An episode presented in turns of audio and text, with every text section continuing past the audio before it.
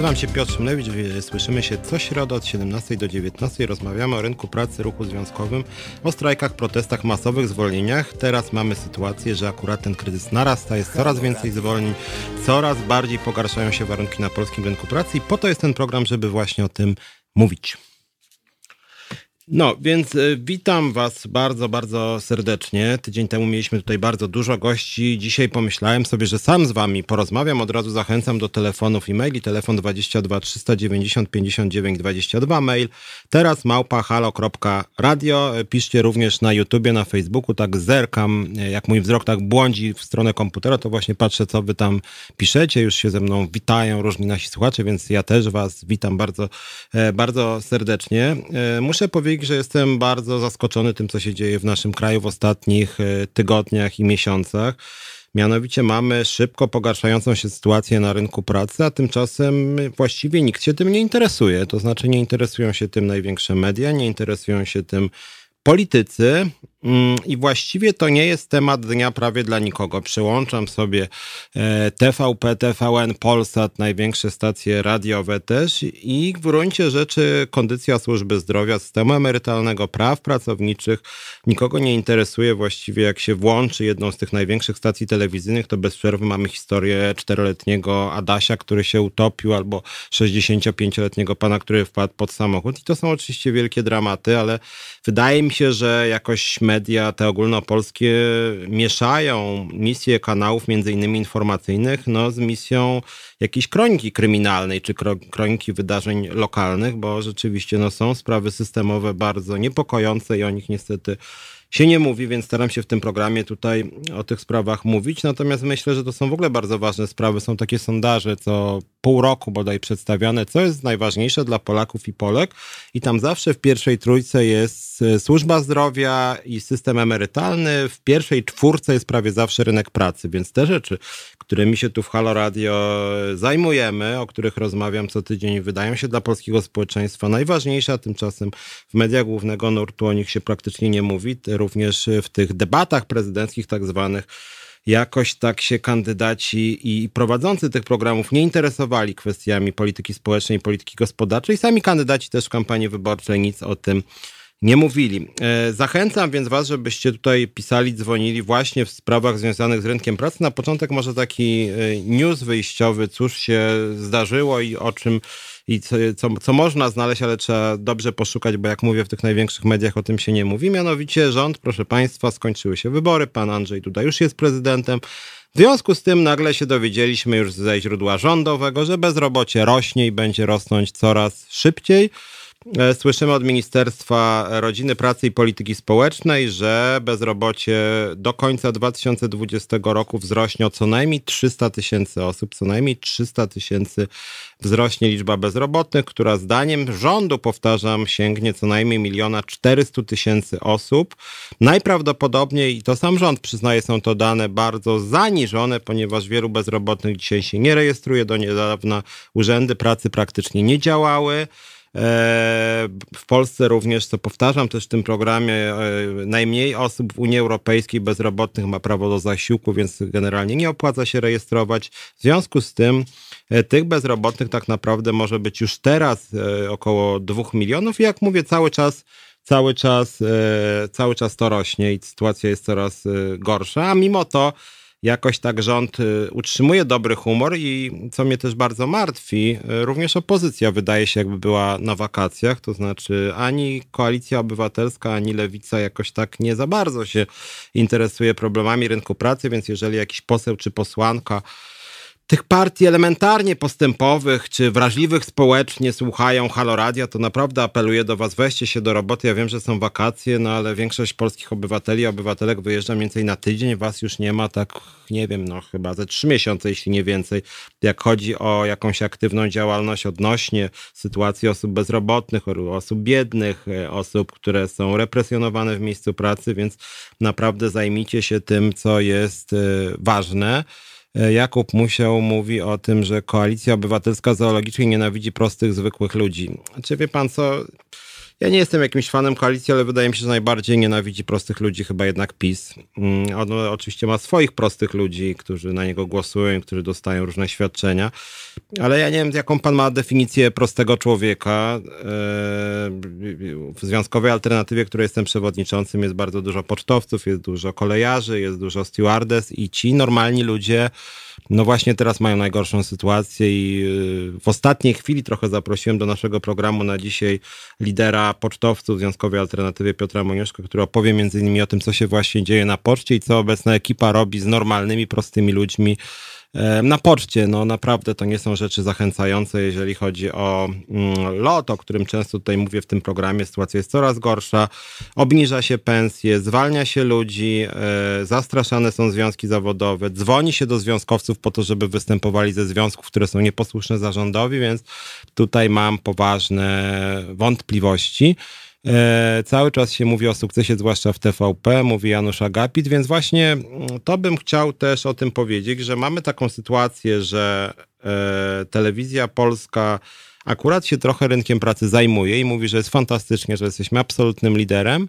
E, jest strasznie tam dużo kłamstwa i manipulacji, natomiast inne kanały, łącznie z rzekomo jakoś antyrządowym TVN-em, bardzo niewiele o tym mówią. E, Jakub Musiał, przepraszam za brak cudzysłowia, chodzi o narrację na warszawskich salonach. Może pan ma rację, nie wiem, ja chyba nie bywam jakoś tak bardzo na warszawskich salonach, nie do końca wiem, co to jest warszawski salon, zresztą chyba teraz te salony to tak jakoś funkcjonują na półgwiska trochę. Pewnie jest trochę ludzi o bardzo wysokich dochodach, które gardzą ludźmi o niskich dochodach. E, klasa menedżerska od lat w Polsce jest bardzo butna i pewna siebie. Natomiast ja staram się kreślić e, linię bardziej politycznie, tak? I tutaj rzeczywiście muszę panu powiedzieć, że o ile nawet jak PO rządziło, to ja osobiście organizowałem demonstracje przeciwko ówczesnej władzy i wyprowadzałem ludzi na ulicę przeciwko rozwiązaniom rządu Donalda Tuska.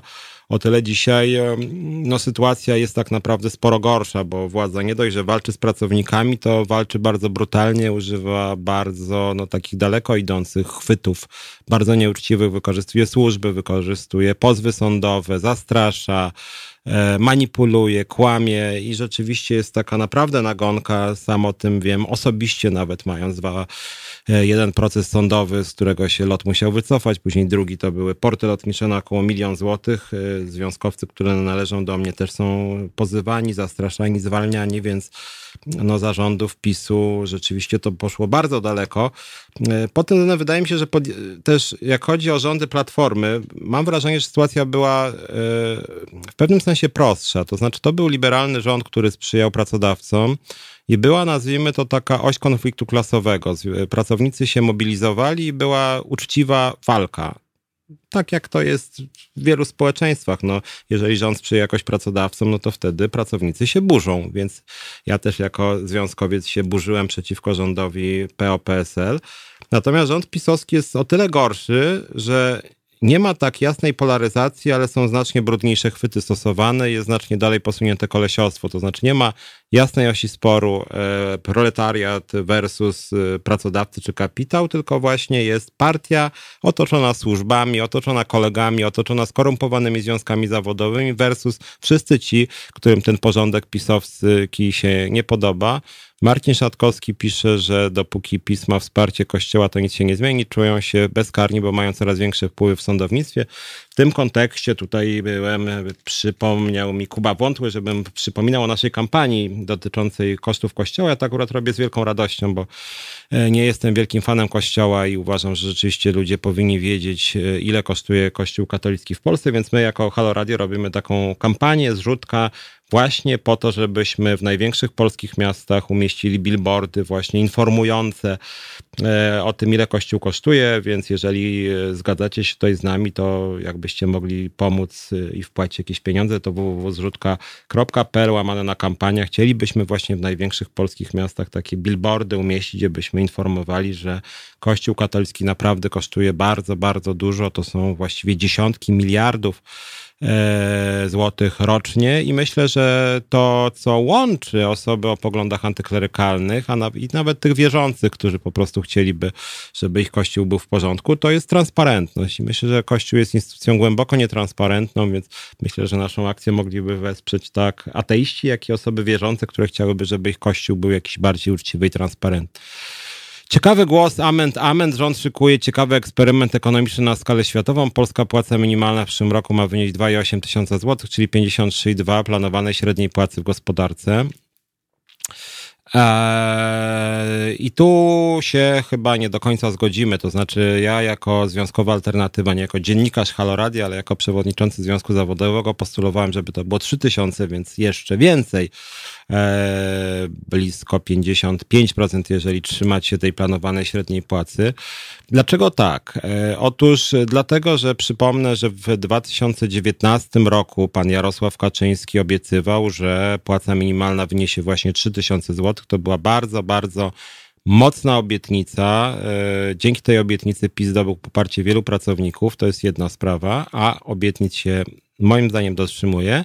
Druga sprawa, być może nawet ważniejsza, nie wiem czy pan czy pani Ament, Ament wie, ale tarcze antykryzysowe rządu to jest już kwota przekraczająca 120 miliardów złotych, sprawdzałem bodaj 4 dni temu, więc teraz to już może być nawet i 130 miliardów złotych.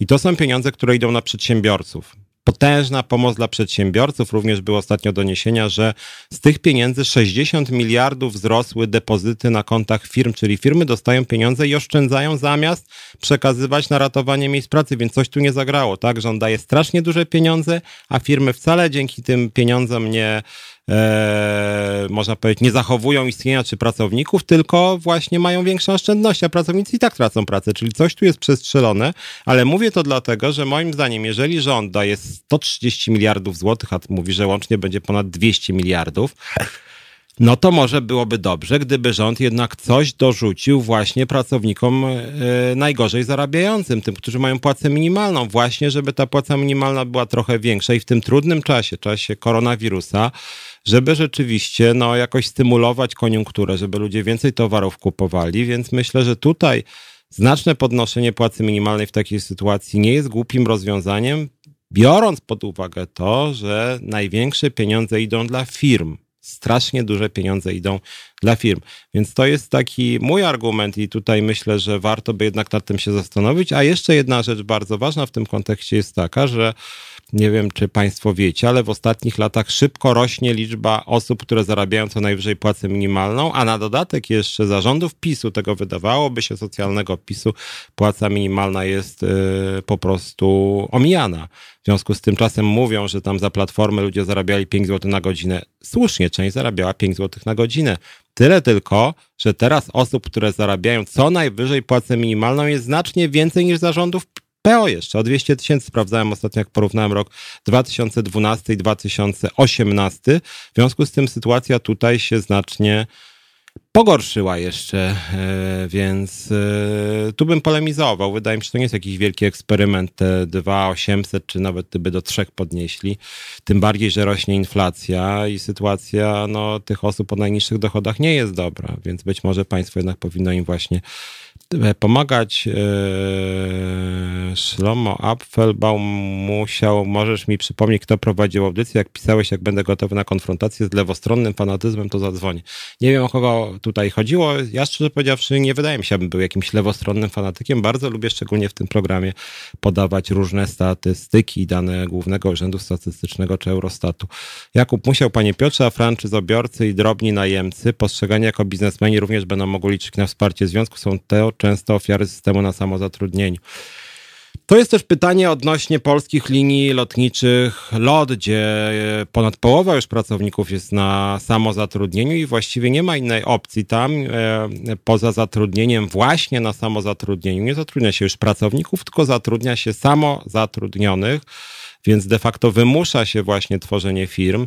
Więc pod tym względem my jako związkowa alternatywa zapraszamy do związku również osoby w ten sposób samo zatrudnione, natomiast z góry mówimy, że naszym celem jest eliminacja tego typu patologii, bo naszym zdaniem to jest patologia, jak jest miejsce pracy, czas pracy, podległość służbowa, to po prostu musi być etat zgodnie z kodeksem pracy. Powtarzam to w tym programie, nie wiem co, może nie co tydzień, ale co dwa tygodnie, czy trzy na pewno.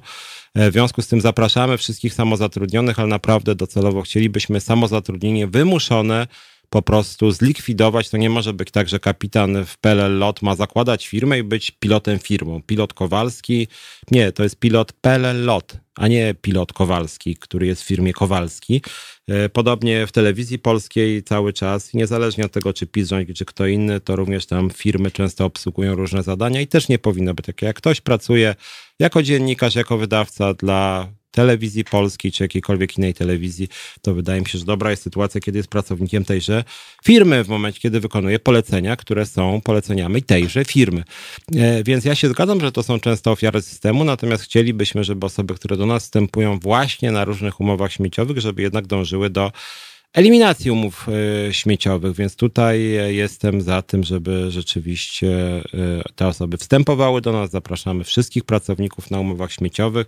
Chcielibyśmy razem z Wami walczyć, żeby tych umów śmieciowych było mniej, żebyście Wy przechodzili na umowy etatowe. Dotyczy to na przykład opiekunek, które ostatnio seryjnie zgłaszają się do związkowej alternatywy, a w Niemczech, jak one pracują, to mniej więcej 99% z nich jest zatrudnionych w ramach umów niestandardowych i oczywiście mają one w związku z tym e, znacznie gorsze warunki pracy.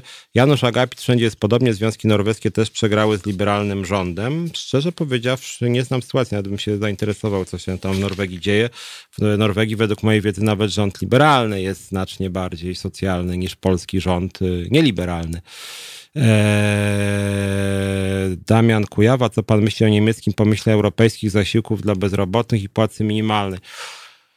Bardzo trudna sprawa, szczerze powiedziawszy, dlatego że mamy bardzo różne koszty życia, mamy bardzo różne systemy świadczeń społecznych yy, i ja jestem osobiście zwolennikiem daleko idącej integracji europejskiej, integracji fiskalnej, integracji socjalnej.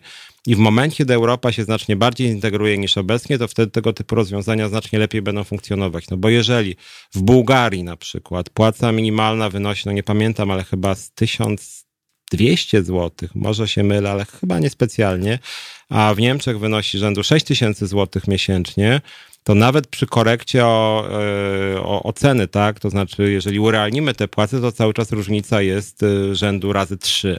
Jeżeli są tak duże różnice w płacach, no to bardzo trudno ujednolicać e, zasiłki czy płace minimalne. Więc jakieś formy na pewno, z całą pewnością jestem zwolennikiem równej płacy za tę samą pracę. To znaczy, jeżeli polscy pracownicy jadą jeździć do Francji, to powinni mieć pensje francuskie. Jeżeli pracownicy ukraińscy przyjeżdżają do Polski, powinni mieć płace polskie. Więc rozwiązania właśnie w tym kierunku ujednolicające na pewno tak. Natomiast myślę, że ten kierunek, który pan proponuje, na pewno jest przyszłościowy, o ile Europa będzie się jednoczyć, a wydaje mi się, że nawet koronawirus pokazał, że Europa jednoczyć się powinna. Zaraz zrobimy króciutką przerwę i później porozmawiamy o problemach poczty, tylko jeszcze widzę, że Jakub Musiał pisze, tylko na przykład Żabka robi to 20 lat, wprowadzając w błąd w trakcie rekrutacji, tak jak Intermarché i zostają ci ludzie z długami. Znaczy, dla mnie w ogóle, tylko to nie jest chyba żabka, to jest polskie prawo, jest to jedną wielką patologią. Jak się przychodzi w niedzielę do żabki, wszystkie żabki w niedzielę są otwarte, słyszymy oficjalnie o zakazu handlu w niedzielę, po czym się dowiadujemy, że żabka jest nagle placówką pocztową, o czym chyba do dzisiaj mało kto wie, ale w ustawę sobie Solidarność z kolesiami z rządu wpisała.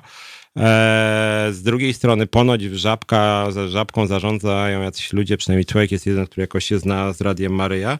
No i mamy to, co mamy, to znaczy jest niby zakaz handlu w niedzielę, ale akurat żabki to nie obejmuje, a na dodatek, e, a na dodatek jeszcze pracują tam ludzie, którzy często od 8 do 22 pracują za bardzo małe pieniądze, jak Państwo wiecie. Ja w ogóle jestem przeciwko temu ustawodawstwu. Uważam, że za pracę w niedzielę po prostu powinny być znacznie wyższe wynagrodzenia i to nie tylko w handlu, ale w każdej innej branży. Natomiast uważam, że naprawdę polskie państwo powinno zacząć walczyć z bezprawiem, a niestety tego nie robi. E, przy czym to bezprawie jest nie tylko w sądownictwie, jak chodzi o działania PiSu, zawłaszczenie Trybunału Konstytucyjnego, niszczenie Sądu Najwyższego, ale na rynku pracy mamy do czynienia z masowym bezprawiem.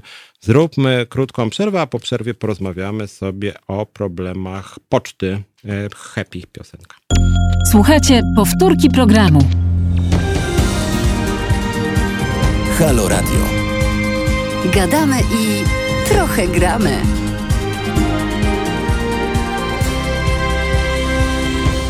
I wracamy. Piotr Szymlewicz, e, jestem z Wami. Przed przerwą mówiłem trochę o kryzysie. Tutaj były uwagi odnośnie płacy minimalnej.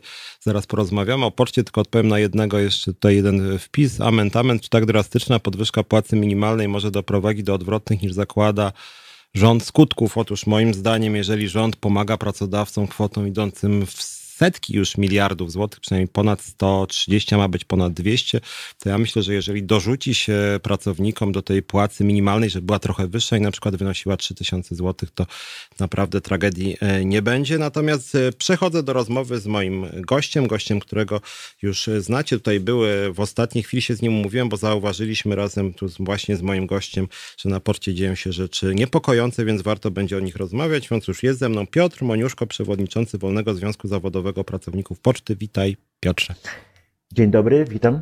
Od razu, od razu zachęcam wszystkich pracowników poczty, którzy nas słuchają i pracownic, żeby wstępowali do Wolnego Związku Zawodowego Pracowników Poczty. To jest najbardziej e, bojowy związek na poczcie i przy okazji związek, który jest w związkowej alternatywie i zachęcam też tych, którzy dla odmiany nie są pracownikami poczty innych branż, żeby też do nas wstępowali, żebyśmy razem jakoś walczyli z kryzysem, który niestety narasta, trochę o tym mówiłem w tej pierwszej części, natomiast zaprosiłem Cię do audycji, żebyśmy porozmawiali o tym, co się właśnie na poczcie dzieje, więc może takie ogólne pytanie na początek. Jak wygląda sytuacja na poczcie do niedawna kluczowej spółce Skarbu Państwa? O niej mówiły wszystkie media i rząd mówił, że to jest ta strategiczna firma, bez której polskie państwo ani rusz.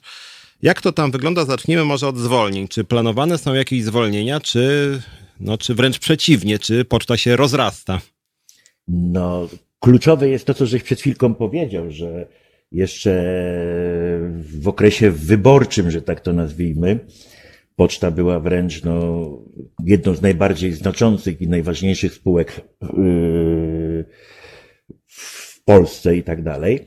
Niemniej wybory się skończyły i już no, o poczcie politycy i nie tylko politycy nagle zapomnieli. I sytuację mamy taką, że jeszcze bodajże ponad miesiąc temu, półtora miesiąca temu, mm, zarząd spółki miał zamiar y, obniżyć pracownikom na okres trzech miesięcy wynagrodzenia, z czego się po prostu y, nagle wycofał. I według zapewnień wówczas pana prezesa, nowego pana prezesa Zdzikota, było powiedziane, że o żadnych obniżkach wynagrodzeń nie ma mowy. A tutaj nagle mamy taką sytuację, że zarząd spółki planuje za miesiąc sierpień pozbawić pracowników premii regulaminowej i dodatkowo y, w skali bodajże całej firmy planuje się zlikwidować około tysiąc etatów y, w służbie doręczeń, czyli u listonoszy. Czyli zaczyna być grubo, bo w sumie ile tam jest niecałe 90 chyba tysięcy, tak, pracowników? Niecałe 80 tysięcy pracowników, mhm, ponad około 30 tysięcy listonoszy gdzieś jest. Mhm.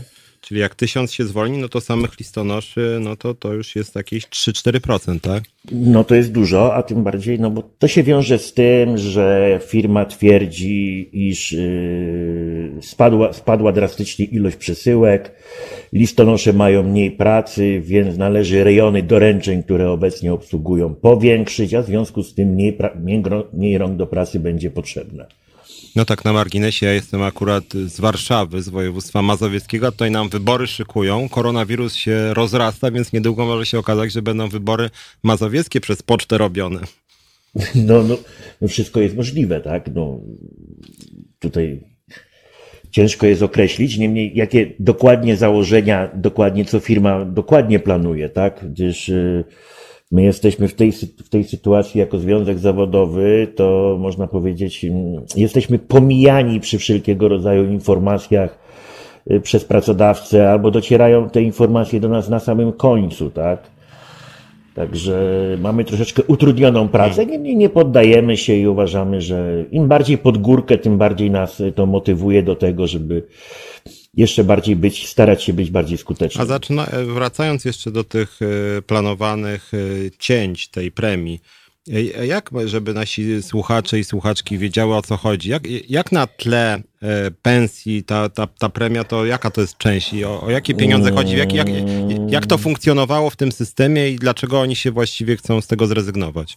Znaczy, w poczcie obowiązuje coś, co się nazywa regulamin premiowania.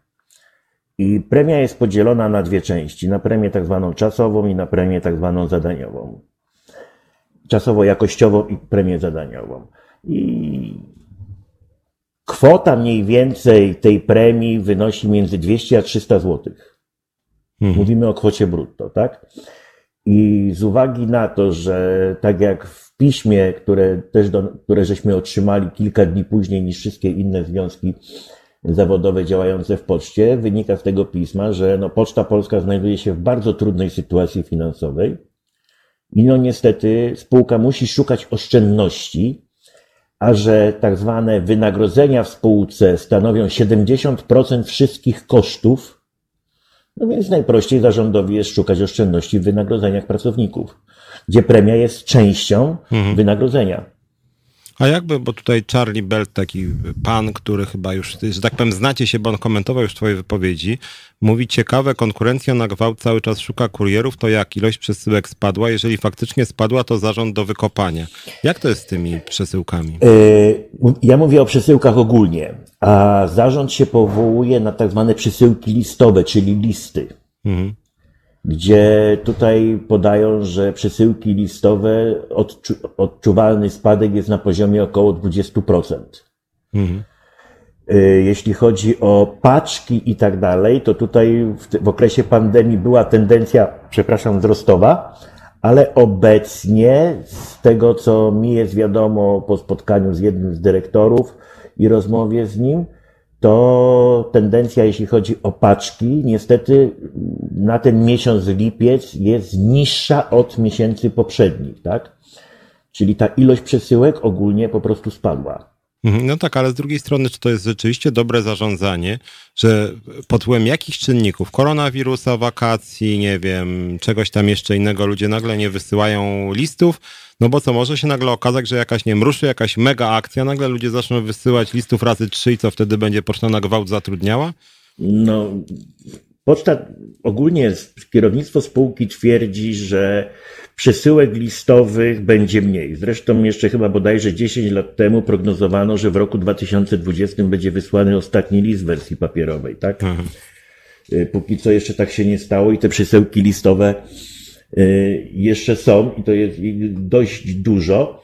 Niemniej, no, my nie mamy się oprzeć na jakich danych, bo nie mamy dostępu do tych danych, tak? Więc musimy tutaj bazować, no, w pewnym sensie na dobrej wierze w stosunku do tego, co kierownictwo spółki podaje, że nastąpił spadek w przesyłkach listowych o te 20%.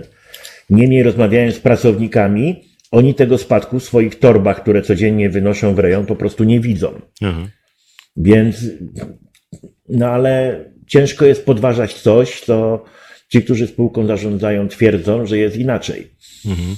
Robert Jakub pisze, że ktoś wczoraj marudził w grupie, że wysłał przesyłkę Poczty Polskiej, zapłacił 16 zł za paczkę, a konkurencja żąda 12. No ale to chyba nie jest do końca twoja dziedzina, no, że ale tak ja, powiem. Ja, ja nie mam wpływu, znaczy my jako związki zawodowe nie mamy wpływu po prostu na cennik, y, na umowy zawierane przez pocztę z klientami biznesowymi i tak dalej, tak? No to już jest domena kierownictwa spółki. Oni ustalają taryfy na poszczególne przesyłki, stawki, za jaką stawkę dana usługa będzie wykonana, a nie związki zawodowe. I z drugiej strony tutaj trzeba popatrzeć też na to, że tak jak sam żeś powiedział, no jednak zarząd spółki odpowiada za zarządzanie i w takim razie, jeżeli powiedzmy jakieś usługi gdzieś spadają, no to trzeba by było się dokładnie zagłębić w temat, co jest przyczyną. Nie do końca ja osobiście wierzę, że przyczyną jest koronawirus, gdyż właśnie w, o, w okresie tak zwanego tego marca, kwietnia, nawet częściowo maja, przecież gdy w większości y, urzędy państwowe, typu urzędy gminy, urzędy miasta, wydziały komunikacji i tak dalej, one były zamknięte, niedostępne dla klienta, one masowo nadawały przesyłki listowe. Mhm. Mhm. Komunikacja z takim urzędem była tylko i wyłącznie poprzez Pocztę Polską.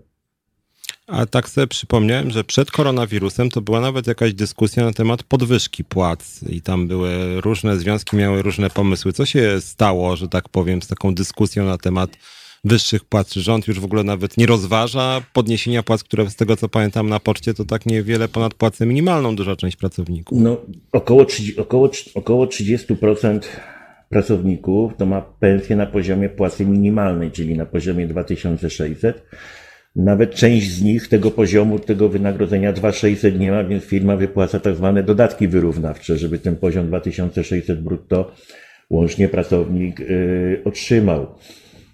Yy. Trudno jest w tej chwili mówić o podwyżkach, skoro zarząd zaczyna sięgać do kieszeni pracowników i w pewnym sensie ich finalne wynagrodzenia e, prawdopodobnie za sierpień po prostu otrzymane we wrześniu będą niższe. Mhm. Więc trudno jest oczekiwać, że w tym momencie, kiedy firma zamierza obniżyć pracownikom realną płacę, no, żeby firma ją podnosiła. Mhm. To byłby jakiś paradoks. Nie, bo, wiesz, bo też tak jak rozmawialiśmy wiele razy, no to w czasie tej całej, tych całych wyborów, które jedne się nie odbyły, drugie się odbyły, ale cały czas jednak poczta była przedstawiana jako taki mocarz, potęga. No, no i właśnie to jest dziwne, co się nagle po prostu stało. Czy coś to było potrzebne, nie wiem, na, na okres wyborczy, żeby przedstawić, jak to wszystko pięknie funkcjonuje, jak to wszystko pięknie wygląda. Zresztą to widać też na przykładzie spółek górniczych, tak? które też były, że kopalnie nie będą likwidowane, tam to nie będzie robione i tak dalej. Nagle wybory się skończyły i było, że już kopalnie do likwidacji, gdzie jak górnicy jako potężna siła, tak? Może nie tyle związków zawodowych, tylko że akurat to jest grupa zawodowa, która potrafi się zjednoczyć i potrafi swoich praw bronić i potrafi walczyć o swoje prawa. Powiedzieli nie, nie zgadzamy się na to i tupnęli nogą, no to się nagle zarząd, znaczy zarząd kopalń, łącznie nawet z prezesem Sasidem się po prostu z tego pomysłu likwidacji kopalń nagle wycofali do tyłu, tak? No właśnie, tu nawet byłem aż pod pewnym wrażeniem, że była propozycja ze strony y, rządu, żeby odchodzący górnicy dostali po 100 tysięcy odprawy. Z tego i tak się wycofali, bo się górnicy wkurzyli. No i tak rozmawiam czasem, że gdyby na przykład ktoś chciał zwolnić nauczyciela ze szkoły albo kogoś z kawiarni i dał mu 100 tysięcy na pożegnanie, to większość by pewnie wzięła. No, no z pewnością tak. Tylko, tylko mówię, to jest, to jest ewenement, jeśli chodzi o grupę zawodową. To nie jest siła związków zawodowych. To jest siła pracowników. Hmm. Że związek rzuca hasło, jedziemy na Warszawę, to nie ma tam takich wymówek, a wiesz, nie, bo to po co, bo co to da i tak dalej, tylko tam się po prostu wszyscy pakują i jadą. Hmm. I robią dobrą zadymę, jeżeli trzeba, tak? Hmm. Czyli pokazują pracownicy swoją siłę. Hmm. I tej siły rząd się boi. No tak, tak, to prawda, chociaż z drugiej strony no, warto by w ogóle równać do góry, natomiast źle się dzieje, jak jednym się proponuje 100 tysięcy, a drugim się proponuje 3,5 albo 0. Zgadza się, a w Poczcie Polskiej najprawdopodobniej będzie sytuacja jeszcze bardziej trudna, bo akurat rok 2020 y, jest rokiem, gdzie z zakładowego układu zbiorowego pracy wygasa część e, uprawnień, które pracownicy od 1 stycznia 2021 stracą, czyli są to tak zwane nagrody jubileuszowe, które już przejdą chyba do historii. E, dodatkowo odprawy emerytalne, które są w tej chwili, gwarantuje układ zbiorowy, one są wyższe niż które przewiduje kodeks pracy, one też już odejdą. Mhm. Gdyż, y, tak jak zostało to zawarte w układzie, one mają być tylko do końca roku 2020. Tu są, y, są dwa, trzy komentarze odnośnie tego, co mówimy. Michał Napierała pisze, z tego co wiem, to kurierzy jeżdżą swoimi busami i są samozatrudnieni. Na nich spoczywają koszty utrzymania pojazdu. Upolityczniona Poczta Polska nie będzie konkurencją dla firm kurierskich. I tu się odniosę do tego. E, Poczta Polska zatrudnia część, nie wszystkich, ale część tak zwanych kurierów jako swoich pracowników na umowach o pracę. I oni korzystają z floty samochodów Poczty Polskiej. Mhm. Ale też poczta posiłkuje się tak zwanym outsourcingiem bardzo modnym, czyli robi przetarg na przykład na jakiś tam rejon doręczeń, który obsługuje jakiś tam rejon po prostu iluś tam mieszkańców na paczkach i Tutaj, jak to się zwie, firma jakaś, która startuje w tym przetargu, oferuje swoją usługę, że my się zajmiemy doręczaniem paczek na tym obszarze i to robią podmioty zewnętrzne tak zwane, tak? I tutaj faktycznie yy, tam jest różnie z zatrudnieniem, bo i tam hmm. pracownicy są na czarno zatrudniani, poza jakimikolwiek umowami.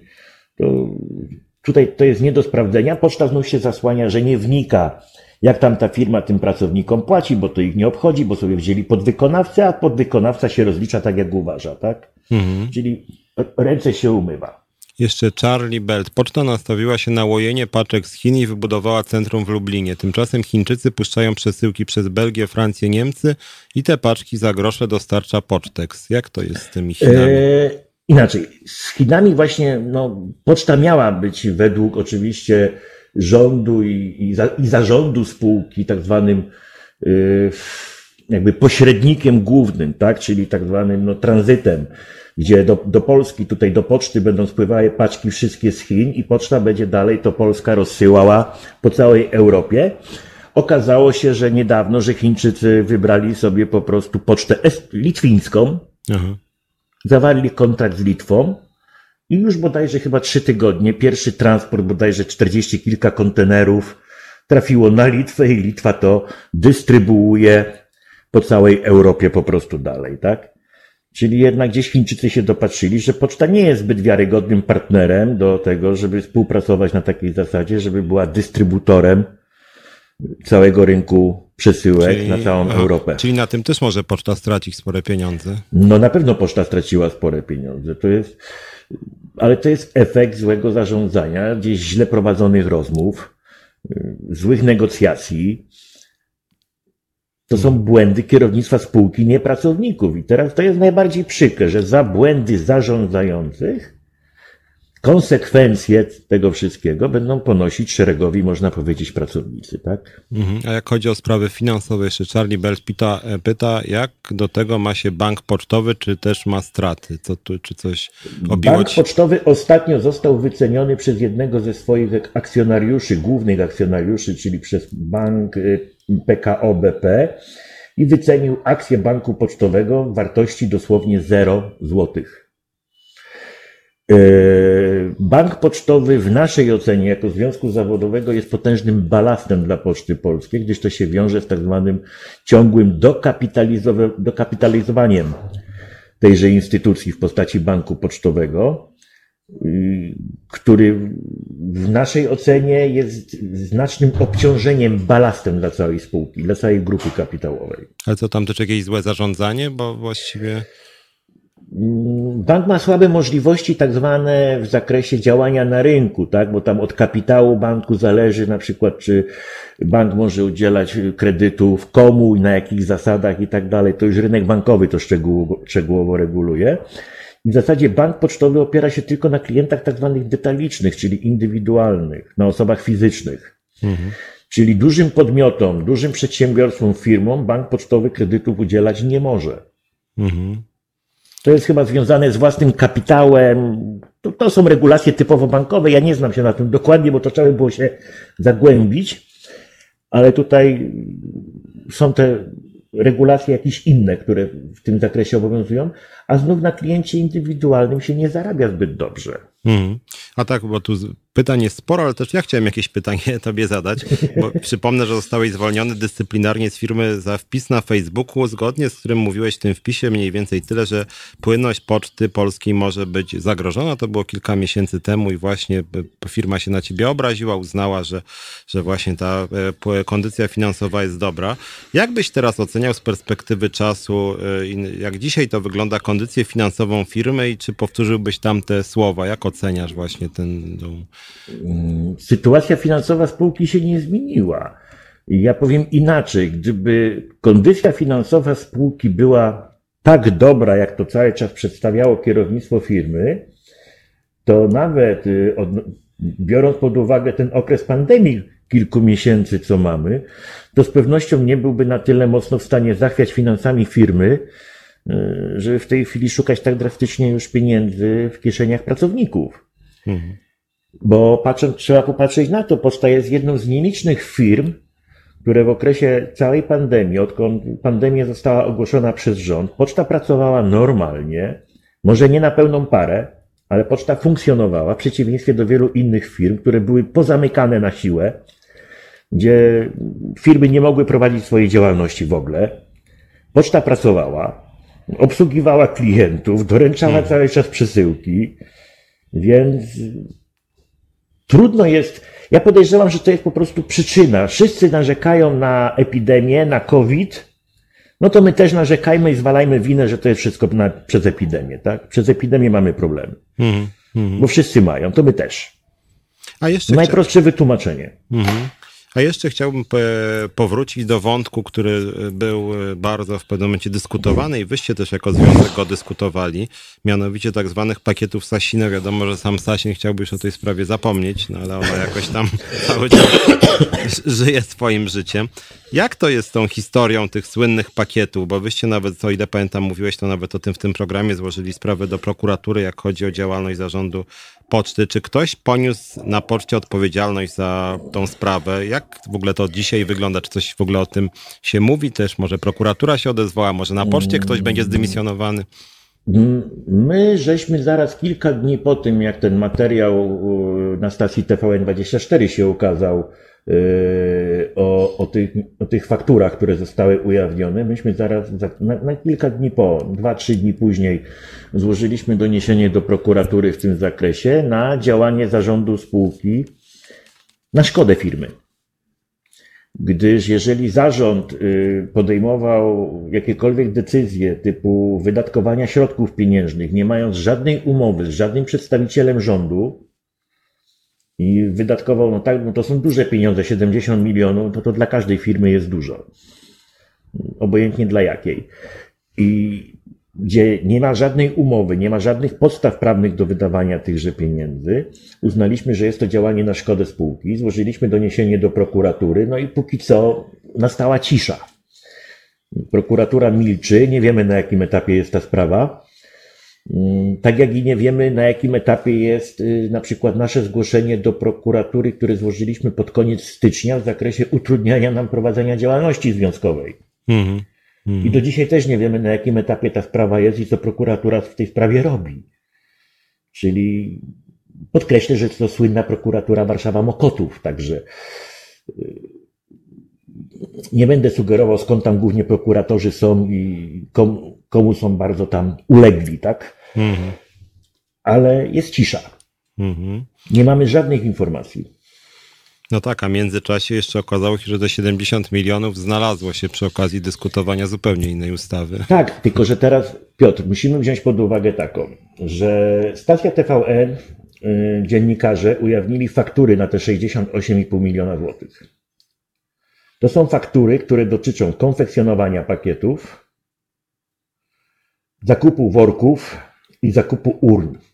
Ustawa, którą przyjął w tej chwili Sejm o rekompensacie poczcie tychże kosztów, dotyczy się kosztów poniesionych, związanych no, z przygotowaniami, a nie zakupu środków trwałych. Mhm. Czyli z pewnością za zakup tych worków za blisko 114 zł sztuka rekompensaty nie można się spodziewać. Za zakup urn za ponad tam chyba 2 miliony złotych, jak pamiętam, również zwrotu się spodziewać nie można.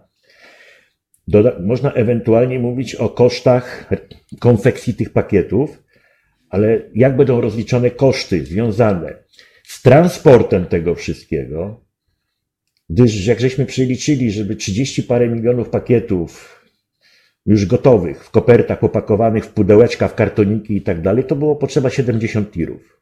Mhm. I teraz musimy wziąć pod uwagę, że na, przed 10 maja, w granicach 3-4 maja, gotowe te w pudełkach popakowane na paletach pakiety, one były rozwiezione po wszystkich tak zwanych węzłach ekspedycyjno-rozdzielczych po całej Polsce. Gdy się okazało, że do wyborów 10 maja nie dojdzie, one zostały pozabierane stamtąd i przewiezione do magazynu do Łodzi. Magazynowanie tak zwane to są również koszty po stronie spółki. Magazynowanie trwało blisko dwa miesiące. Mhm. To też są koszty. My tylko tych nie znamy cyfr. Ile to tak naprawdę kosztowało? W tej chwili, tak jak znów dziennikarze Gazety Wyborczej dotarli, y, pakiety są wywożone do utylizacji, czyli ktoś za tą utylizację również musi zapłacić. To są kolejne koszty. Czyli tak mówiąc de facto, gdzie się oficjalnie w mediach mówi o 70 milionach złotych, ta, ta kwota może być nawet dwu, trzykrotnie wyższa. Mhm. Faktycznie poniesionych kosztów związanych z wyborami na 10 maja. Mhm. Michał Napierała, pisze pan Moniuszko, doskonale wie, że zarząd poczty nie miał nic do powiedzenia, był telefon, trzeba było działać, prokuratura nic z tym nie zrobi, bo to ta sama ekipa, wybory były ważniejsze. Dobrze, no ale my czekamy w takim razie na decyzję prokuratury, na przykład, że umarzają to postępowanie, bo się nie dopatrzyli niczego złego. Wówczas otwiera nam to furtkę odwołania się na przykład do sądu. Tak? Mm -hmm. I zmuszenia wręcz prokuratury do działania poprzez sąd. No jeszcze póki co sądy wszystkie nie są w rękach obecnej władzy i można liczyć na to, że no coś się uda w tym zakresie po prostu zrobić. Mhm. Charlie Belt może mniej Martyniuka w TVP, a więcej kasy dla poczty, plus jakieś sensowne kierownictwo. Poczta ma duże możliwości, ale nie z obecnymi głąbami u władzy. No, to nie, to nie jest tylko problem poczty, bo dobrze Piotr wiesz, to samo dotyczy tak, na tak. przykład spółki LOT, nie LOT i tak dalej. To dotyczy wszystkich spółek państwowych, tak zwanych spółek Skarbu Państwa to dotyczy, że to jest tak zwany łup polityczny.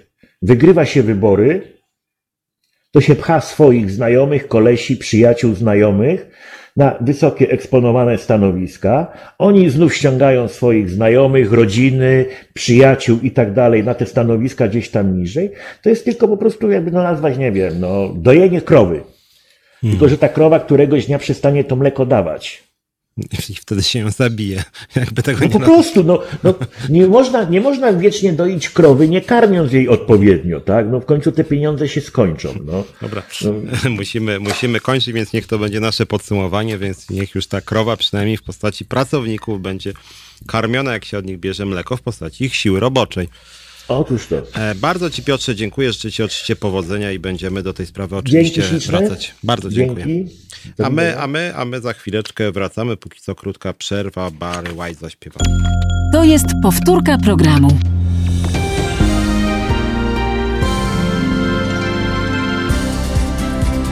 Halo Radio.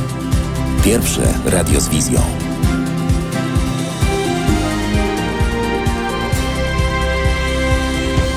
Piotr Szymlewicz, Halo Radio, witam. E, rozmawiałem trochę z Piotrem Moniuszką, rozmawiałem trochę o problemach pracowników poczty. Wracamy teraz do takiej naszej bardziej ogólnej perspektywy, chociaż widzę, że poczta też Was zainteresowała. Piotra z nami tu póki co nie ma, natomiast są jeszcze głosy dotyczące poczty. Michał Napierała pisze, że Poczta jest sklepem z dewocjonaliami, same modlitwy i przepisy siódr zakonnych. Póki polityka będzie przed rozumem, to z poczty nie będzie czego zbierać. Znaczy to jest chyba jakiś miks po prostu, taki bardzo pisowski zapisu. To rzeczywiście przyspieszyło, żeby de facto podporządkować ideologii narodowo-katolickiej właściwie no, nawet spółki Skarbu Państwa, bo kiedyś może w tym programie o tym szerzej pogadamy, natomiast kiedyś przeglądałem, warto by zaktualizować, na co wydają pieniądze spółki Skarbu Państwa, tu z jednej strony poczta, ale z drugiej na przykład spółki energetyczne i rzeczywiście tam są jakieś, nie wiem, jakieś obchody, jakieś tam rocznic katolickich, jakieś tam święta religijne, jakieś książeczki o Janie Pawle II, jakieś historie, nie wiem, tam biskupa jakiegoś tam i rzeczywiście ta oferta książkowa na poczcie no jest, y, mówiąc delikatnie, mm, jednostronna, momentami nawet niesmaczna, taka propagandowo. To znaczy mamy rzeczywiście książki o e, siostrach zakonnych, o księżach, o żołnierzach wyklętych, plus harlekiny, co ciekawe, przynajmniej taka stylistyka harlekinowa, w związku z tym mamy romanse, a z drugiej strony mamy właśnie taką e, sieczkę narodowo-katolicką, więc to też są właściwie wydatki e, w gruncie rzeczy na propagandę kościelną, na dogmatykę katolicką. To dobra okazja, żeby przypomnieć o naszej zrzutce, o której też mówiłem w pierwszej części programu, mianowicie Halo Radio zbiera E, pieniądze, datki na taką akcję billboardów w różnych dużych miastach Polski na temat tego, ile Kościół katolicki e, dostaje pieniędzy rocznie od państwa i chcielibyśmy właśnie pokazać, że to są gigantyczne kwoty, 20 miliardów rocznie i rzeczywiście ta propaganda jest strasznie droga. To się też dobrze wpisuje w tą naszą teraz dyskusję, że poczta niestety, no to się nie wpisuje, akurat to są dodatkowe, można powiedzieć, pieniądze. To nie są oficjalnie niby pieniądze państwa, a przecież też właśnie spółka Skarbu Państwa, poczta wydaje na propagandę propagandę katolicką e, spore pieniądze i właśnie na wszystkich placówkach, e, czy wielu placówkach w Polsce pocztowych właśnie tego typu dewocjonalia są do kupienia, co moim zdaniem po prostu nie powinno mieć e, miejsca. Charlie Belt, dlatego potrzebna jest zmiana usterów. Pocztę można wyprowadzić, ale nie z takimi zasinami, obajtkami czy innymi czopami. Jeszcze Suskiego tam brakuje. E, Janusz Agapit otworzyć stadninę pocztową, jak już ta w Janowie zbankrutuje i później jeszcze, że się wycofuje, bo szkoda koni. No właśnie, jakby jest to trochę śmieszne, trochę straszne, bo w gruncie rzeczy no, nie jest to śmieszne o tyle, że realni ludzie na tym cierpią, pracownicy, że źle to wszystko po prostu wygląda również dla klientów, mm, więc byłoby to śmieszne, gdyby nie to, że to jest real, że tak powiem, to nie jest fikcja. W kontekście tego, co rozmawiamy, tak sobie pomyślałem, e, zastanawiałem się ostatnio politycznie, dlaczego Polacy co pewien czas wybierają takich ludzi jak na przykład Cookies, co łączy Kukiza na przykład, e, Hołownię i dawniej Palikota, częściowo Biedronia, bo to byli ludzie, którzy nagle się pojawiali i zdobywali strasznie wysokie poparcie, to znaczy bez jakichś gigantycznych pieniędzy nagle zdobywali, no nie wiem, 10-15%. To właściwie były podobne kariery, chociaż każdy z nich miał inne poglądy, no bo Biedroń jest no, bardzo progresywny obyczajowo, jest krytyczny wobec kleru, Kukiz jest dla odmiany dosyć taki konserwatywny, E, Hołownia jest mieszany, że tak powiem. W każdym bądź razie wszyscy szybko zdobywali poparcie rzędu 10, nawet do 20% poparcia Hołownia, blisko 15 w ostatnich wyborach, a Kukiz to chyba nawet miał 20. E, I tak sobie pomyślałem, że e, zaraz tłumaczę wam, dlaczego mówię to w tym kontekście tematu. Paweł Rup pisze rzekoma antysystemowość. Ja myślę, że może nie tyle antysystemowość, co rzecz, która w gruncie rzeczy też jest dla mnie zrozumiała, tak? Nie to, że ja bym głosował na tych ludzi, ale zrozumiała, mianowicie, że są to ludzie, tak, tak sobie elektorat wierzył, że są to ludzie, którzy przegnają tak zwane układy, że wszystko w Polsce jest tak poukładane, że jak ktoś chce gdzieś awansować i ma na przykład talent, to wierzy w to, że mu się uda i nagle się okazuje, że mu się nie uda, bo na miejscu musi przekonać pana Zbigniewa, a pan Zbigniew dopiero może zadzwonić do pani Krysi, pani Krysia do pana Roberta i jak pan Robert zadzwoni do kogoś, kto decyduje o wyniku na przykład jakiegoś konkursu, to wtedy się wygra, a jak nie, to nie. Inna droga, no to nie wiem, trzeba się z kimś przespać, trzeba komuś wódkę kupić, trzeba komuś się podlizać, trzeba kogoś obgadać. E, I generalnie niestety w Polsce na wielu szczeblach tak to wygląda. Ja to poznałem akurat w OPZZ. Tak wygląda niestety w wielu związkach zawodowych, czyli kolesiostwo, czyli brak procedur, czyli brak transparentności. Charlie Belt mówi tutaj o rozbiciu partyjnego betonu. Ja uważam, że to nie jest tylko partyjny beton i dlatego tacy kandydaci typu Cookies czy Palikot zdobywali poparcie, pomijając sprawy ideowe nawet, że to są ogólnie blokady awansu, które są nie tylko partyjne, to są jakby szeroko rozumianych pewnych układów e, wzajemnych, powiązań, to są kościoły, to są organizacje pozarządowe, to są związki zawodowe, to są szczeble administracji od najniższego szczebla do najwyższego. To jest to, że nawet w wielu firmach e, niby są konkursy, ale ostatecznie się okazuje, że jak się zna sekretarka, sekretarka zna prezesa, a prezes coś tam, to dopiero wtedy się wejdzie. I to rzeczywiście wielu ludziom się nie podoba. Ja między innymi dlatego w kampanii wyborczej sugerowałem, czy to Biedroniowi, czy Trzaskowskiemu, żeby również E, żeby również w te układy uderzali właśnie, proponując znacznie większą transparentność. Oni oczywiście na to nie poszli, no bo czy to SLD, czy Platforma z tą transparentnością chyba też różnie bywało i nie wiem, czy by się na taki krok zdecydowali. Natomiast moim zdaniem samo deklarowanie, że się jest antysystemowym, czy że jest się za rozbiciem układów, to może krótkoterminowo coś tam da i właśnie Kukizowi czy Palikotowi dało, ale później jak się okazało, że ci ludzie realnie z, tym, y, z tymi układami nie walczą, to im szybko poparcie spadało i dlatego Kukiz na przykład już dzisiaj ma, nie wiem, 2 czy 3% poparcia, bo się okazało, że, że sam Kukiz nie jest zbyt, że tak powiem, transparentny.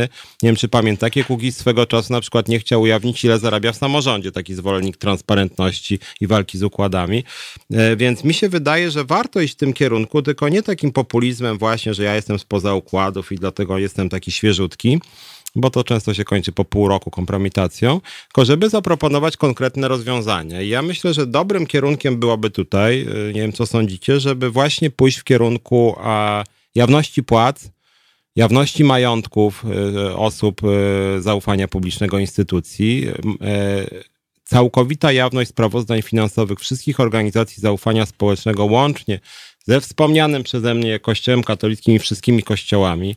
Całkowita transparentność związków zawodowych. Proszę bardzo, sam jestem związkowcem, jestem liderem związku zawodowego i uważam, że związki zawodowe powinny mieć jawne finanse, wszystko powinno być transparentnie. Jawność konkursów, łącznie być może nawet z dostępnością do tego, żeby można było śledzić po prostu te e, konkursy. Kto za co, ile punktów, a może nawet i nagrania, co ludzie mówili w konkursach, na przykład na prezesów spółek Skarbu Państwa bardzo konkretne kryteria przyznawania stanowisk, że musi być jakiś kurs, wyższe wykształcenie czy określone wykształcenie, że nie może być tak, że na przykład człowiek pracuje w Ministerstwie Finansów, a później sobie przeskakuje do banku albo odwrotnie, bo w Komisji Europejskiej, o ile pamiętam, to chyba 3 albo 5 lat trzeba przeczekać, czyli nie może być tak, że jestem w jakiejś instytucji i wykorzystuję tą instytucję po to, żeby sobie znaleźć e, fajną pracę, tak? To w Polsce, jak wiecie, często jest tak, że jeżeli ktoś tam niknie z polityki, to nagle po półtora roku widzicie go, że jest w Radzie Nadzorczej jakiejś tam spółki Skarbu Państwa albo w zarządzie, tak?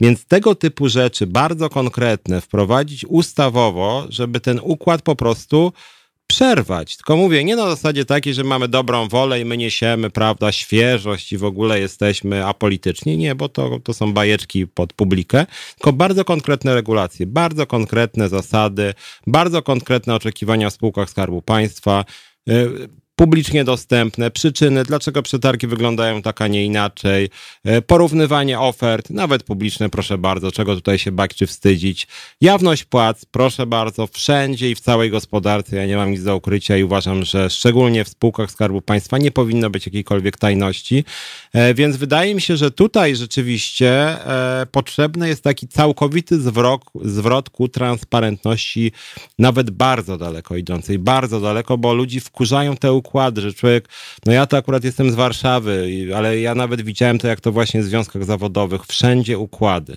Wszędzie układy, e, a w momencie, kiedy tego typu układy, które ja nawet widziałem bezpośrednio w Warszawie, człowiek ma na przykład w jakiejś małej miejscowości, chce się przebić, chce coś zrobić w małej miejscowości, nagle się okazuje, że układ jest między e, plebanem, wójtem i nie wiem, e, i kochankiem plebana i nie ruszysz, bo musisz się podlizać całej tej trójce, inaczej nic nie osiągniesz totalnie, żadnej pracy nie dostaniesz, w ogóle nie awansujesz nigdzie i po prostu wyjeżdżasz stamtąd, a jak wyjeżdżasz, to też jesteś nowy, więc bardzo trudno ci się przebić. I mam wrażenie, że bardzo dużo osób to po prostu wkurza i słusznie, że ich to wkurza. I tak pojmowana intuicyjna walka z układami rzeczywiście jest czymś no, pozytywnym, bo w Polsce to kolesiostwo jest potworne po prostu, potworne potworne. Ja to na przykład nawet widzę odnośnie, mm, odnośnie różnego rodzaju możliwości działań organizacji pozarządowych, możliwości dofinansowania. Bardzo często jest tak, że dofinansowanie dostają ci, którzy już wcześniej dostali dofinansowanie. Czyli jest umocnienie tych, którzy już mają znajomości i to jest na bardzo, bardzo wielu rzeczywiście szczeblach. Paweł Rup pisze, dobrym kierunkiem byłoby, gdyby nowa siła polityczna przestała ciągle mówić o PO i PiSie, a przedstawiła właśnie konkretną alternatywę bez odwoływania się do popisu. Znaczy ja powiem tak, mi, mi się wydaje, że tu nie ma co yy, porównywać się z PO czy PiSem, tylko ważniejsze są procedury niż to, czy ktoś jest nowy, stary, czy już był gdzieś, czy nie było, tylko po prostu niech się uwiarygodni. Jeżeli jest zajawnością płac, to niech powie, ile zarabia. Jeżeli jest zajawnością e, finansów organizacji pozarządowych, to jak jest członkiem czy członkinią takiej organizacji, to niech powie, jakie są jej finanse. Niech od innych tego oczekuje, żeby po prostu być też jakoś e, konsekwentnym. Charlie Belt kpi sobie trochę z niejakiego obajtka, który się przebił. No takich właśnie obajtków jest bardzo dużo za obecnej e, władzy. E, ament, ament, przypominam, jakim cudem Stan Tymiński wszedł do drugiej tury wyborów prezydenckich, tylko akurat Stan Tymiński przy wszystkich wadach i całej jego trochę groteskowości faktycznie. Ja się może nie śmiałem z niego aż tak jak część, chociaż to było strasznie dawno temu. No to on startował w wyborach demokratycznych, gdzie nie ma żadnych tam konkretnych kryteriów startu na prezydenta, natomiast w spółkach Skarbu Państwa takie kryteria powinny być. Barbara Słotwińska pisze u nas w małym mieście pajęczyna układów i zależności.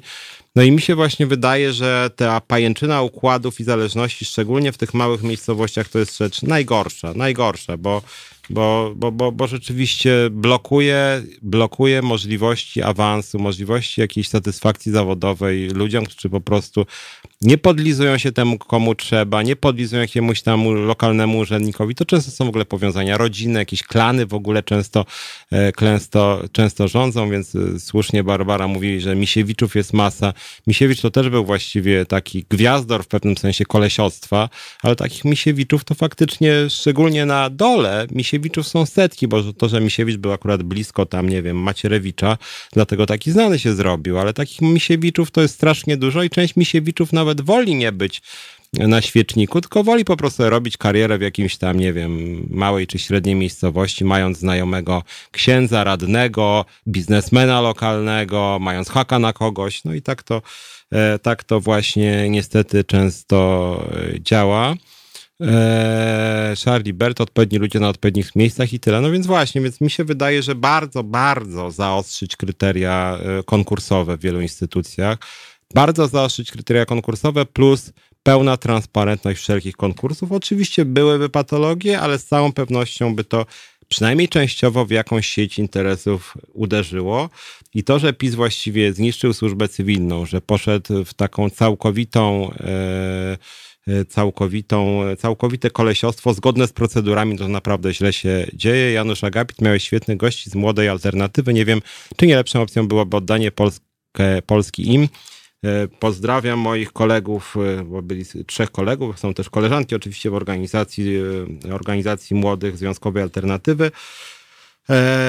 liczę, że się nasza organizacja bardzo rozwinie. Już się rozwija, właściwie z dnia do dnia przystępują do nich nowi ludzie. Zapraszam więc też młodych, żeby wstępowali do Związkowej Alternatywy, ale starszych też oczywiście.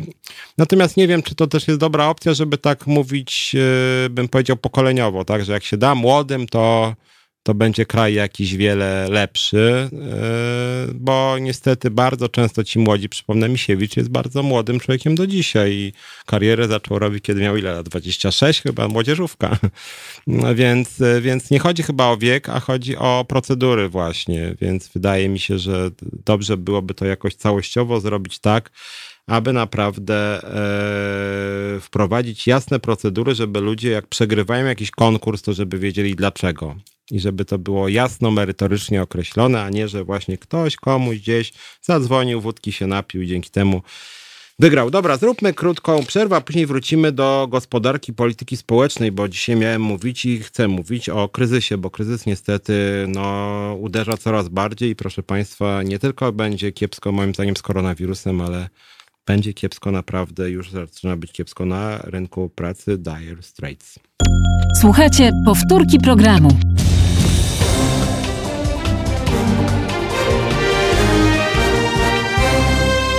Halo Radio. I wracamy. Piotr Szymlewicz, Halo Radio.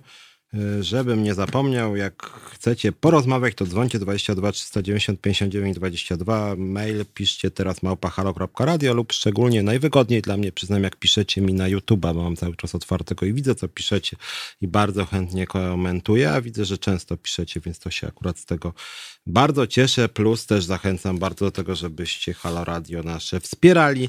Za każde datki jesteśmy bardzo wdzięczni. Robimy też taką akcję www.zrzutka.pl łamane na kampania, która dotyczy no, strasznego przepychu Kościoła katolickiego, jego przywilejów i chcielibyśmy, żeby kilka billboardów wisiało w największych miastach w Polsce i stąd właśnie robimy taką zbiórkę. Wracamy do tematu, rozmawiałem i tak trochę mi ta myśl wpadła pobocznie, bo chciałem dzisiaj mówić głównie o kryzysie, ale przyznam szczerze, że też mnie to, tak jak większości z Was pewnie denerwuje, tę sieć układów. Mówię to jako obywatel, mówię to jako związkowiec, mówię to jako dziennikarz Rzeczywiście bardzo jest ciężko e, załatwić sprawę, jak się nie jest w tej całej sieci znajomości, sieci układów, jak się narazisz jakiemuś właśnie znanemu posłowi, związkowcowi, pracodawcy, działaczowi pozarządowemu, no to możesz mieć skasowaną drogę i konkursy są tak rozpisywane, żeby nic ci się nie udało, no tak bardzo często te procedury są niejawne, no i właśnie się tak możemy przez całe życie bawić i ludzi to denerwuje, mnie też to denerwuje i dlatego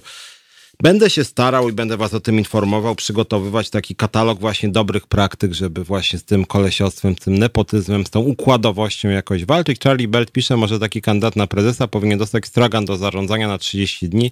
Jak przez ten czas biznes nie padnie, to już coś. Mm. A czy jest to śmieszne, ale z drugiej strony coś w tym jest. Nie mówię, żeby dawać stragan, bo też czym innym jest y, stragan, a czym innym jest spółka Skarbu Państwa, na przykład taki lot. E, ale z drugiej strony pewnego rodzaju eksperymenty, to, żeby właśnie ci ludzie się jakoś sprawdzali, żeby to nie byli po prostu znajomi, nie wiem, Kaczyńskiego albo Sasina, czy kogokolwiek innego, Tuska, Millera, Czarzastego, to warto byłoby rzeczywiście jakieś testy robić, możliwie publicznie e, widzialne, sprawdzalne. Więc e, to na pewno Janusz Agapit, e, no tak, ale ja nie widzę możliwości wprowadzenia takich procedur. Wciąganie jednego młodego i ustawienie go pod siebie jest w miarę łatwe.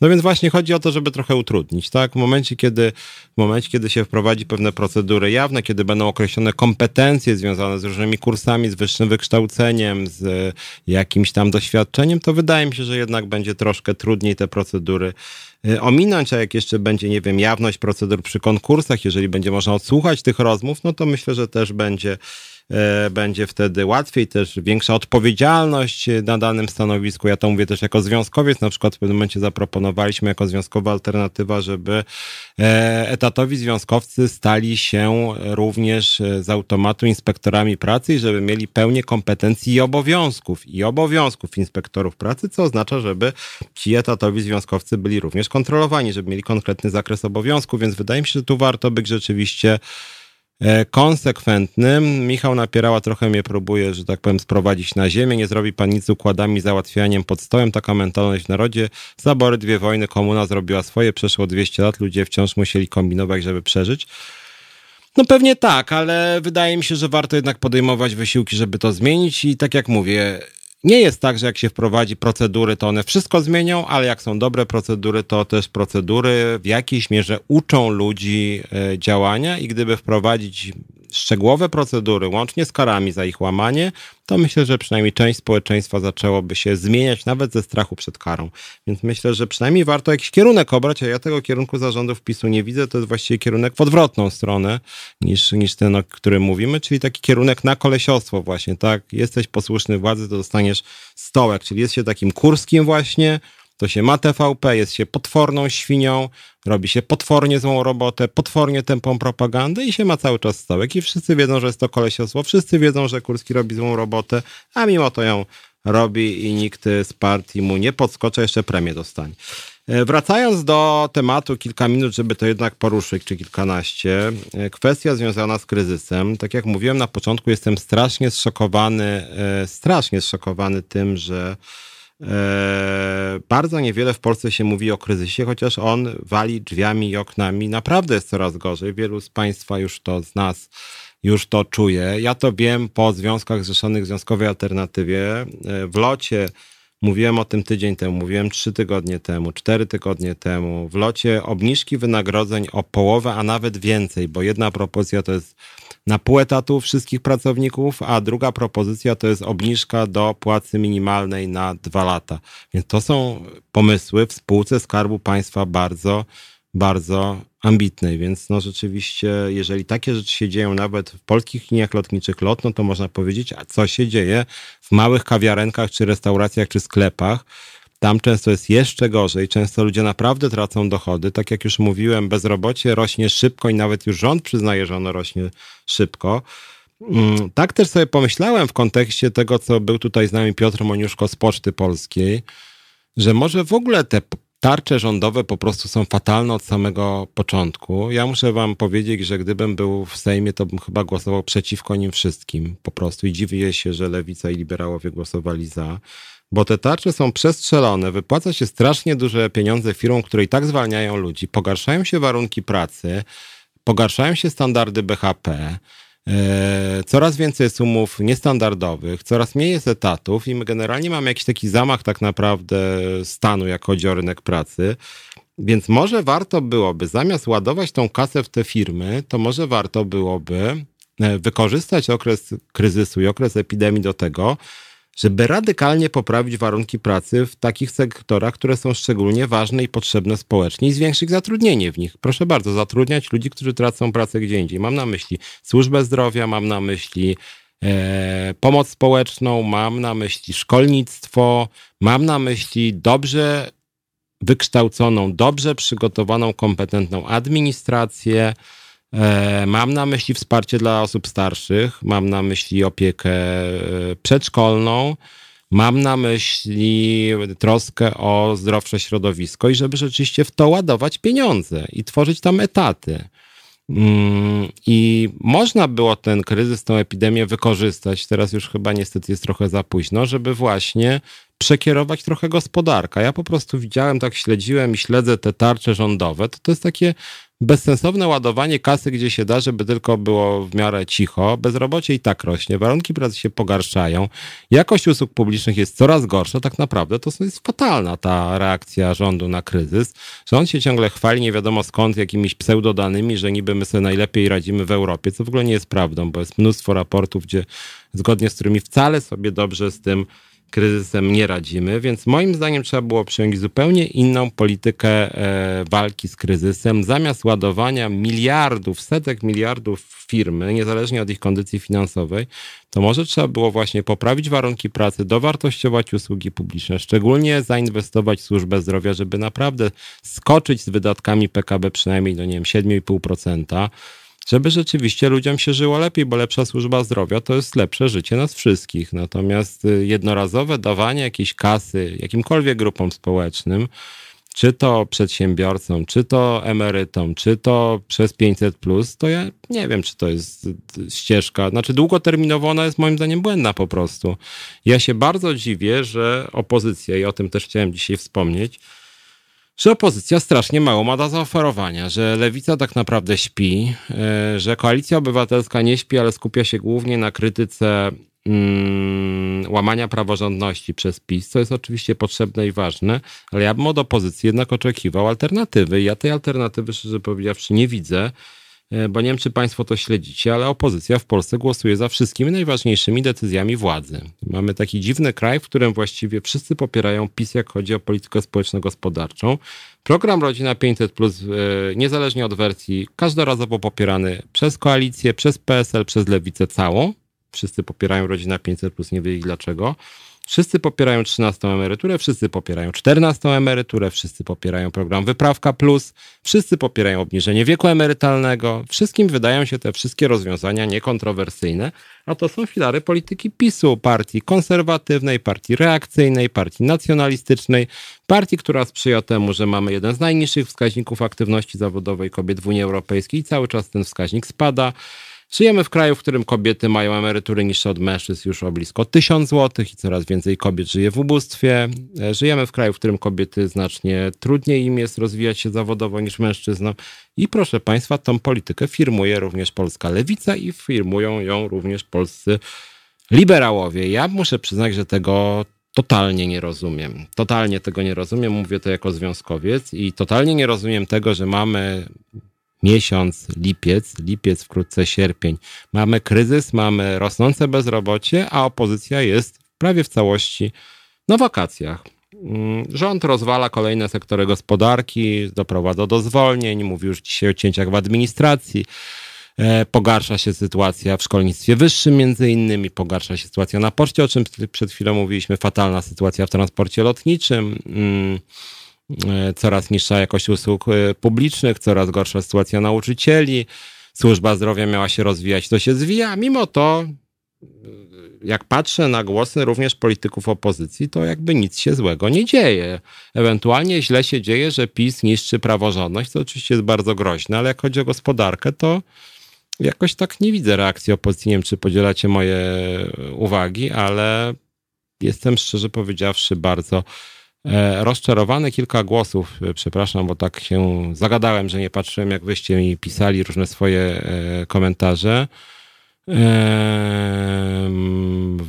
Michał napierała, ma pan rację, warto próbować, ale to musi iść z góry, a na górze jest szambo, kto ma dawać przykład. To a propos tych propozycji odnośnie większej transparentności. Znaczy zgadzam się, no trzeba po prostu ludzi przekonywać i może zaczynać tego typu rozwiązania wprowadzać na poziomie poszczególnych, nie wiem, małych miejscowości albo zakładów pracy, albo przez inicjatywy ustawodawcze. No ja będę próbował ze swoim związkiem zawodowym tego typu inicjatywę robić. Paweł Rób postanowił się pochwalić, że będzie wkrótce palił ognisko i popijał wyskokową orężadę. To rozumiem, jakaś taka reakcja na to, co się w kraju dzieje. No cóż, miłego życzę e, urlopu, ale chcielibyśmy jednak trochę ten kraj zmienić. Amentament, podstawa, prezydent bezpartyjny, przykład Islandia. Tak, no wiem, Islandia jest w ogóle chyba bardzo fajnym krajem, chociaż nigdy nie byłem, ale to nie chodzi tylko o prezydenta, tam jest tam akurat odnośnie tego, co mówię, tam jest strasznie transparentnie, bardzo transparentnie w krajach skandynawskich w ogóle są jawne pensje, w większości z nich jest bardzo daleko idąca jawność życia publicznego, e, więc rzeczywiście to jest po prostu inna kultura, inna polityka, no ale inna polityka być może jest możliwa, więc może tego typu rozwiązania, jakie są w Islandii, właśnie warto by wprowadzać. Charlie Belt, Pitts, e, PiS nie tak dawno krzyczał, że lot, że PO chciało lot sprzedawać, a lot pod pisowskimi rządami to kura znoszące złote jajka. To jak to jest z tym lotem? No więc tym lotem jest fatalnie, co staram się też w tej audycji tutaj mówić. Rzeczywiście takich zniszczeń w locie, jakich, jakich, jakie robi PiS, to nikt nie robił. I śmiać mi się trochę chce przez łzy, jak słyszę, że Platforma to tam chciała sprzedawać lota, PiS to nie wiadomo jak tego narodowego przewoźnika, prawda, rozwinął, bo obecnie mamy groźbę bankructwa lotu po prostu, której nie było nigdy. E, powstała nowa spółka Polish Airlines, która ma już przejmować część lotów e, spółki Pelelot polskiej. E, więc powstała jakaś dziwna spółka, córka o tej samej nazwie, de facto tylko z anglojęzyczną nazwą i zdaniem wielu komentatorów PiS po prostu chce lot doprowadzić do bankructwa a chce doprowadzić do bankructwa po to, żeby się pozbyć etatowych pracowników. Tak się wydaje etatowym pracownikom i brzmi to niestety dosyć przekonująco, tak, bo związki zawodowe, szczególnie związek personelu pokładowego i lotniczego jest niewygodny dla zarządu lotu. Pan Milczarski, prezes lotu, pamięta jak stewardesy strajkowały i chce się jakoś odegrać chyba na nich, no więc generalnie wygląda to bardzo źle. Obecnie te propozycje lotu dla pracowników są dramatycznie złe, a na dodatek jeszcze lot promuje śmieciowe zatrudnienie, czyli samo zatrudnienie, które obecnie jest jedyną formą zatrudnienia nowych pracowników, więc to jest właśnie pisowska wizja e, gospodarki. Charlie Belt, gospodarka została przekierowana na swoich maseczki, respiratory, setki innych spraw, o których na pewno nie wiemy. No i to jest właśnie to, że, że w Polsce nie dość, że jest mnóstwo jakichś nieformalnych układów, mnóstwo przekrętów, to na dodatek jeszcze i tu PiS niestety osiągnął nowy poziom przekrętactwa, że tak powiem, i kolesiostwa, że odnośnie tego, co robi Szumowski, wszyscy wiemy, że to są patologie. No widzimy, jak, no jak w mordę strzelił, że tak powiem, że wygląda to strasznie, tak? Jakieś respiratory kupione od jakiegoś mafioza, który handluje bronią. Na dodatek jeszcze te respiratory nie doszły. Na dodatek jeszcze były one przepłacone i nie ma winnego. No po prostu państwo, już nie wiem, nie z tektury, tylko po prostu chyba silna mafia, a nie państwo z tektury, tak? Mafia, która sprawnie zarządza, jest totalnie bezkarna, bo moim zdaniem pan Szumowski, no jednak powinien od razu przed prokuraturą odpowiadać. No przecież te dowody są dosyć twarde, więc to jest w ogóle zdumiewające. No ja wszystko rozumiem, ale on to już jest no, rzecz szokująca. Facet, który po prostu od jakiegoś handlarza bronią kupuje respiratory przepłacone, nie dostaje ich i władza uważa, że w ogóle wszystko jest w porządku i nie będziemy się nim zajmować. Coś niesamowitego. I teraz Szymowski jeszcze mówi, że może on jednak zrezygnuje ze stanowiska i sobie odpocznie.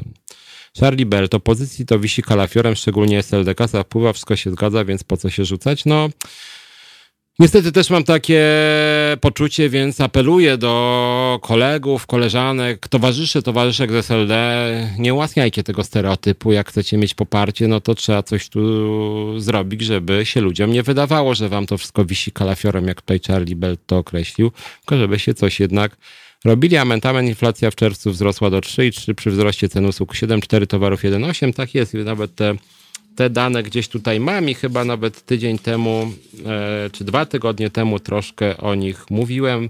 Warto uzupełnić wzrost cen owoców 27,7, pieczywa 9, ryżu i mleka po 8,1, wędlin 10,4, wywozu śmieci 54%, usług finansowych 39,3, usług stomatologicznych 14,7, energii elektrycznej 11,7.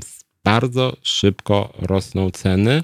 E, co niestety oznacza, że jeżeli nam pensje stoją w miejscu, to realnie nasze pensje się zmniejszają, więc warto o tym pamiętać. Ja wymieniłem te kilka przykładowych e, przykładowych cen produktów, jak one bardzo wzrosły, no bo dla osób ubogich to rzeczywiście no, ważne są ceny owoców, pieczywa, wędlin e, czy wywozu śmieci, bo to jest ważne elementy konieczne no, takiego codziennego życia. Tak, biedni ludzie właśnie wydają pieniądze głównie na jedzenie i to jedzenie niestety miesięcznie rośnie znacznie szybciej. Ceny żywności samej wzrosły w skali roku o 6,1, czyli bardzo dużo. No, pensje o 6,1 nie rosną.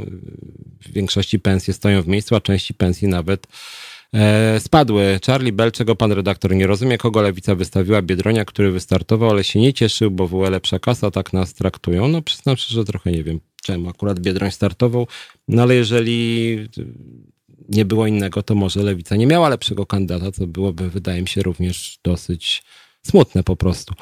Eee, Aleksander Kasior, głównego sprawcy tego stanu społeczeństwa nie widzisz, to Kościół, więc twoja diagnoza jest błędna.